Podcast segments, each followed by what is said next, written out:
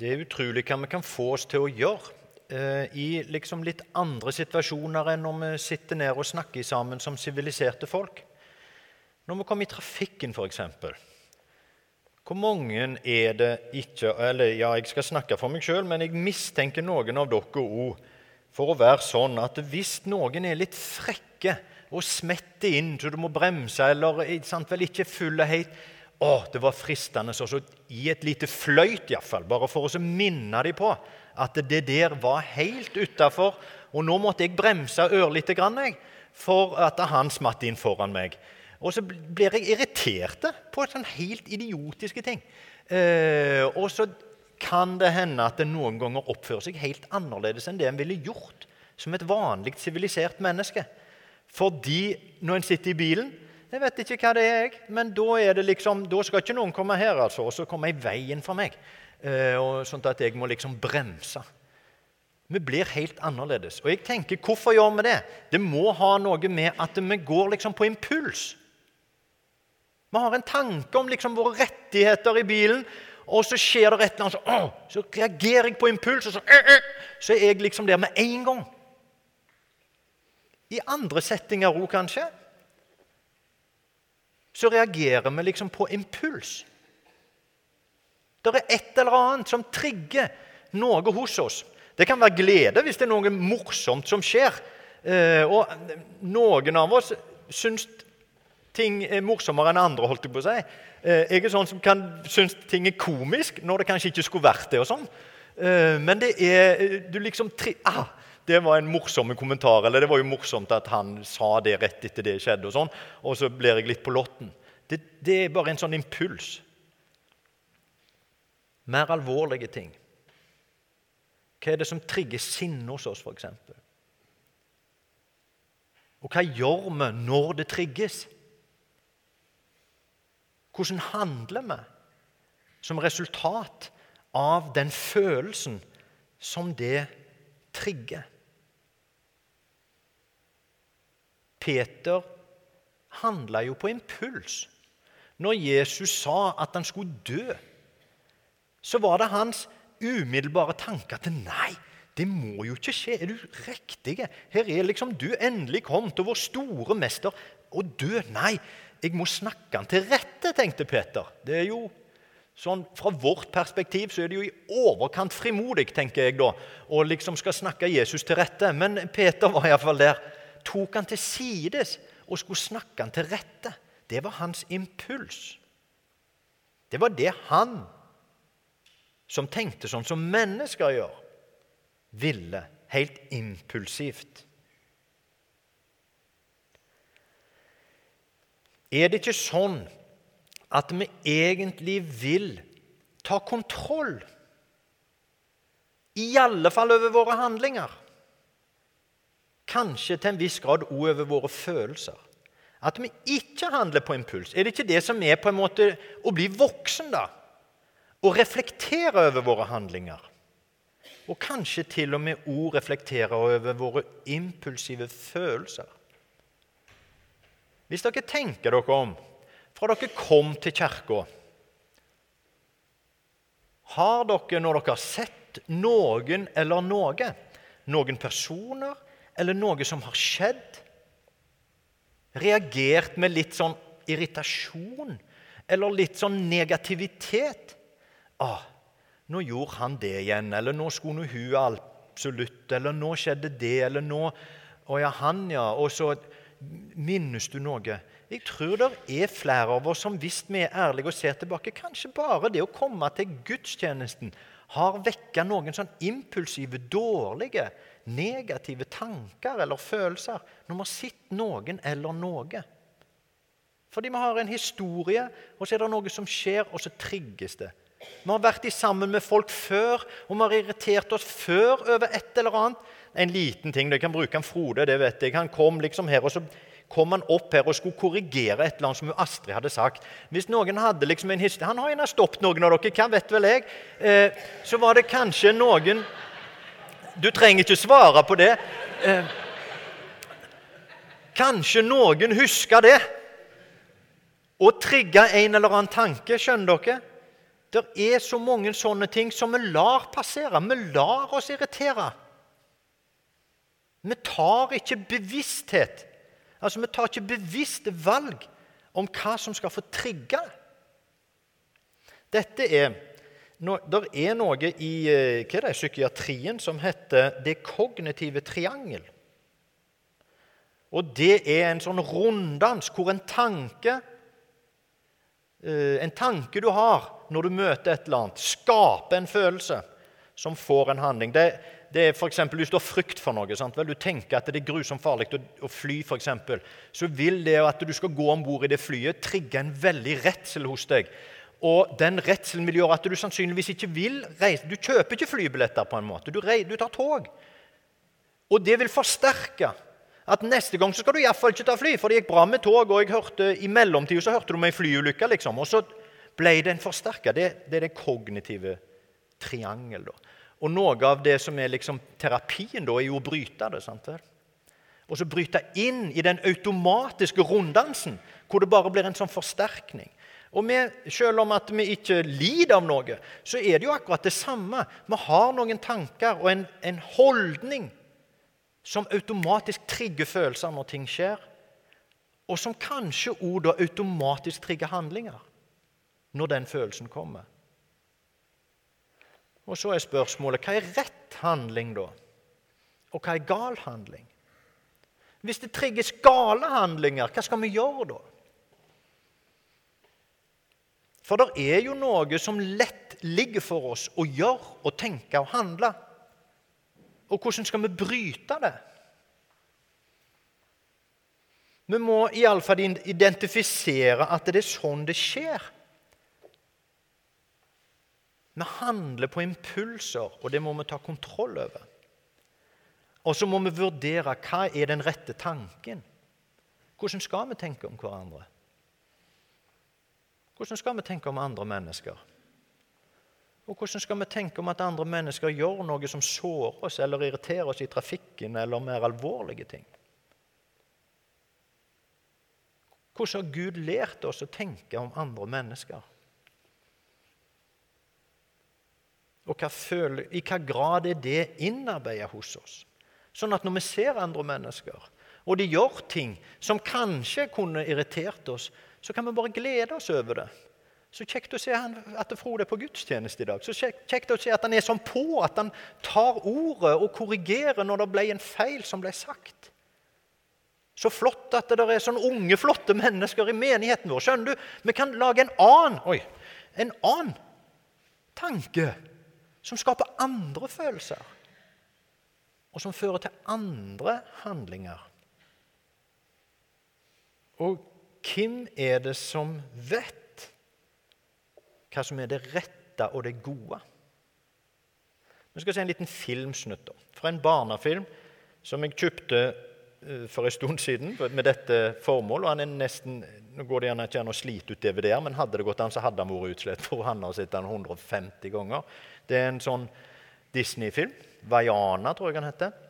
Og Der er det et klipp i den filmen som dere skal få se. Ja, kjør. Det er noe du må komme og se her. Fellene våre i Østlagunen de tar opp mindre og mindre fisk. Vi kan rotere fiskeplassene. Eh, vi gjorde det. Det er ikke noe fisk. Åh. Men da fisker vi på andre siden av øya. Vi prøvde. Og på vindsiden? Og på le-siden. På grunna. Kanalen. Vi har prøvd hele lagunen. De er bare borte. Vel, Har dere prøvd å bruke et ampang? Jeg tror ikke det er Det er ikke noe fisk. Det virker som det bare blir verre og verre. Det er klart jeg skjønner at dere er bekymret. Jeg skal snakke med rådet. Jeg er sikker på at vi Vi fisker utenfor revet. Det er ingen som går utenfor revet. Jeg vet det. Men hvis det ikke er noe fisk i lagunen, Bajana, og hele havet ligger der ute vi har én regel. En gammel regel fra da det var fisk. En regel som holder oss trygge, istedenfor jeg- å sette folk i fare, så du kan løpe rett tilbake til vannet.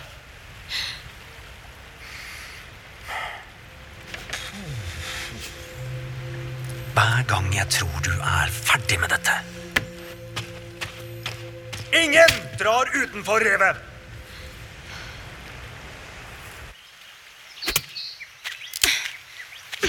Ja, det er jo ikke som om du sa det foran din far. Mens du sto på en båt? Jeg sa ikke at vi skulle dra forbi revet fordi jeg vil være på havet. Men det er jo det du vil. Han er streng mot deg fordi Fordi han ikke forstår meg. Fordi han var som deg. Dratt mot havet. Nede ved stranden tok han en kanovaiana. Han krysset revet og møtte et nådeløst hav. Bølgene var som fjell. Hans beste venn takk om å få være med på båten. Faren din kunne ikke redde han. Han håper han kan redde deg. Noen ganger er den vi ønsker å være, eller det vi ønsker å gjøre, bare ikke mulig, jenta mi.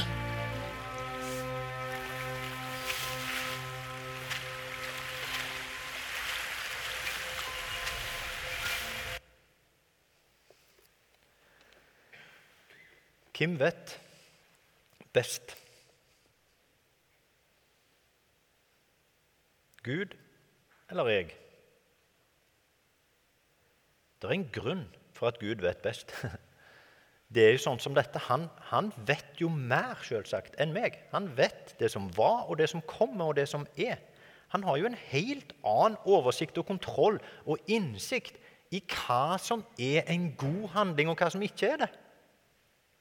Selvsagt har han det. Derfor er det sånn at sjøl de tingene som vi ikke skjønner Hun kunne ikke skjønne hvorfor faren skulle være så streng på dette. Det var en grunn. Grunnen var at han var redd for henne. Han ville beskytte henne. På samme måte som de der oppvasketablettene vel, som det står advarsler på, og som er foreldres ansvar å sørge for at ungene ikke leker med, selv om det aldri ser så kjekt ut. Vi er redde for dem. Vi beskytter dem. Vi vet bedre.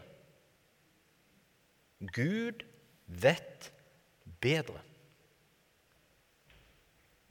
Hva er Guds perspektiv, og hva er mitt? Hva er grunnleggende mitt perspektiv når jeg bedømmer hva jeg skal gjøre, og hva som jeg syns er bra og ikke? Ofte så er mitt grunnleggende perspektiv hva er bra for meg.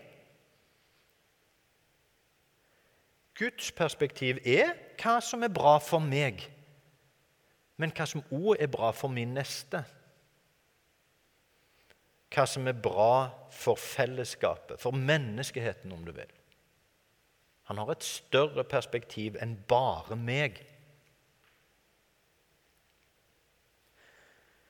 Og Da er det sånn at det, vi kan kalle det fristelse. Den der runddansen, sant vel? den der tanken vår og den følelsen vår at nå vil jeg, jeg dras mot noe. Jeg har lyst å handle sånn. Jeg fristes til å handle sånn. Jeg er påvirka gjennom alle mulige ting til å ville ha, til å ønske noe, til å dras mot noe. Jeg har kanskje indre dri, altså, eh, krefter på en måte som drar meg i en retning mot en handling som Gud kanskje sier ikke er bra. Det er en fristelse. Det er en fristelse å la seg lokke mot noe. Og fristelse når jeg, jeg har snakket om det med, til unger sånn på 5. klasse når vi har bibelvandringer. Og da tenker de det å friste noen, så tenker de det å plage. Sant? Vel, for vi bruker det på dialekten vår, at han frister meg. At han driver og plager meg, driver og liksom dunker på meg eller tar tingene mine. og sånn. Men det er jo ikke det. Det er jo å lokke, det er jo også friste til å gjøre noe galt. Sant? Vel, en fristelse. Det er noe som vi skal jobbe imot. Vi skal motstå fristelsene til å gjøre gale ting. Gale ting definert av Gud, som vet bedre. Og Da er det, der er hjelp å få, på en måte. Der er, der er metoder. Der er eh, hjelpemidler som Gud har gitt oss for å motstå fristelser. Bønn er en sånn metode. Det er å be til Han daglig. Legge dagen i Guds hender. Luther kaller det en daglig omvendelse. Vende oss vekk fra lystene, drivkreftene, fristelsene til Gud. Det som Han har gitt oss som den gode vei. Og kanskje Guds ord, selvsagt. Bibelen leser om hva som er Guds vei. Og så er det mer sånn menneskelige ting. Utsette, f.eks. Det er sånn så, eh, Hvis du søker på fristelser på nettet, og hvordan du skal motstå fristelser, så er det bare mat det er snakk om. Det er bare fristelser til å bli feit eh, og spise sjokolade og usunne ting. Men det, det er interessant. Det er òg sånn et triks det er å utsette. Hvis du har lyst på sjokolade, så sier jeg skal ta den litt seinere. Og så blir det liksom aldri. Ikke si om to minutter, for da du utsetter fristelsen, så svekkes han. Eh, eller beskytte seg mot fristelse. Ikke kjøpe så grusomt mye sjokolade og legge i kjøleskapsdøra, for da, da utsetter du deg jo for fristelse, men, men, det å beskytte seg mot det. Men å ha en bevissthet da, om hva som er rett og galt, hva som er fristelsene, og være i et fellesskap. For det er nemlig sånn at det er Gud som frelser, og det er Gud som gir oss styrke mot fristelser òg. Og det gjør han i ordet og sakramentene og fellesskapet. Det er her han gir oss styrke. Fordi når vi er sammen, så får vi styrke. Når vi sammen ser at ja, vi skal jammen kjempe mot disse fristelsene som leder oss vekk fra Gud, som får oss til å såre hverandre og skade hverandre, de skal vi kjempe imot. Og det skal vi gjøre sammen. Vi skal bryte den sirkelen. Vi skal bryte inn, og så skal vi ta kontroll og ikke lenger handle på impuls, men å handle på bevissthet om hva vi vil, og hva som er rett, og hva som er godt. Vi er frelst av nåde. Vi snakker ikke om dette for at nå skal vi liksom bli så flinke Gud godtar oss. Men fordi Gud godtar oss av nåde, så ønsker vi å leve sånn at det er godt for vår neste. Vi har snakket om det før. Det som vi gjør galt, nemlig, får jo konsekvenser. Det er jo det som er problemet. Og det vil vi ikke. Vi vil ikke lenger at de konsekvensene skal være. Derfor skal vi hjelpe hverandre. Og vi lever i en sånn Jeg kan ikke så veldig mye eh, latin, da. Det var vel med et nødskrik at jeg sto på den eksamen òg. Men det er iallfall et sånn eh, teologisk uttrykk som heter 'simulus justus et picator'. Piccat, ja, noe sånt. Det betyr iallfall at vi er samtidig synder og frelst. Vi er samtidig rettferdig og synder. Vi er liksom begge deler på en gang. Vi er i Guds øyne frelste og frie og syndfrie. Men så lever vi i en verden hvor fristelsene er overalt, og hvor vi faller i fristelser hele tida. Og da er det sånn at Gud jobber med oss i sitt ord, eller med sitt ord og i fellesskapet for å forandre oss til å bli mer av den vi egentlig er i Han. Sant vel? Vi er helt rene, så Han beveger oss mot det rene med sin ånd, med sin kraft. Så la oss bryte, da. La oss bli voksne, på en måte. Og bryte den impulsstyrte følelsene og handlingene. Og kontrollere, skape nye tanker som gir andre impulser, sånn at vi impulsivt tenker godt. Sånn at vi impulsivt gir. Sånn at vi impulsivt Jeg har tenkt på det Vi jobber med statistikk for, eksempel, for menigheten og ser at det er, ja, det er litt nedgang på gudstjenesteoppmøte. Men så er det en voldsom oppgang på givertjenesten. Går det an å tolke noe ut ifra det? Den nedgangen vet jeg ikke hva jeg skal tolke ut ifra. Den oppgangen vet jeg at det er, tenker jeg, et signal på en utvikling og vekst i oss som fellesskap. Det, det skjer noe med tankene og impulsene våre når vi skal bestemme hvor pengene våre går. Det har skjedd noe. Det endres mot det som Gud vil. Nå igjen! Ikke liten oppgang.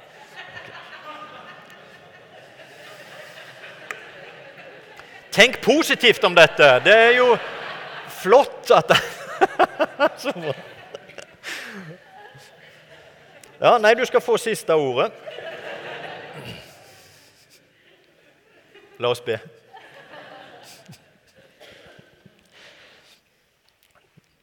Takk for Frode, Herre.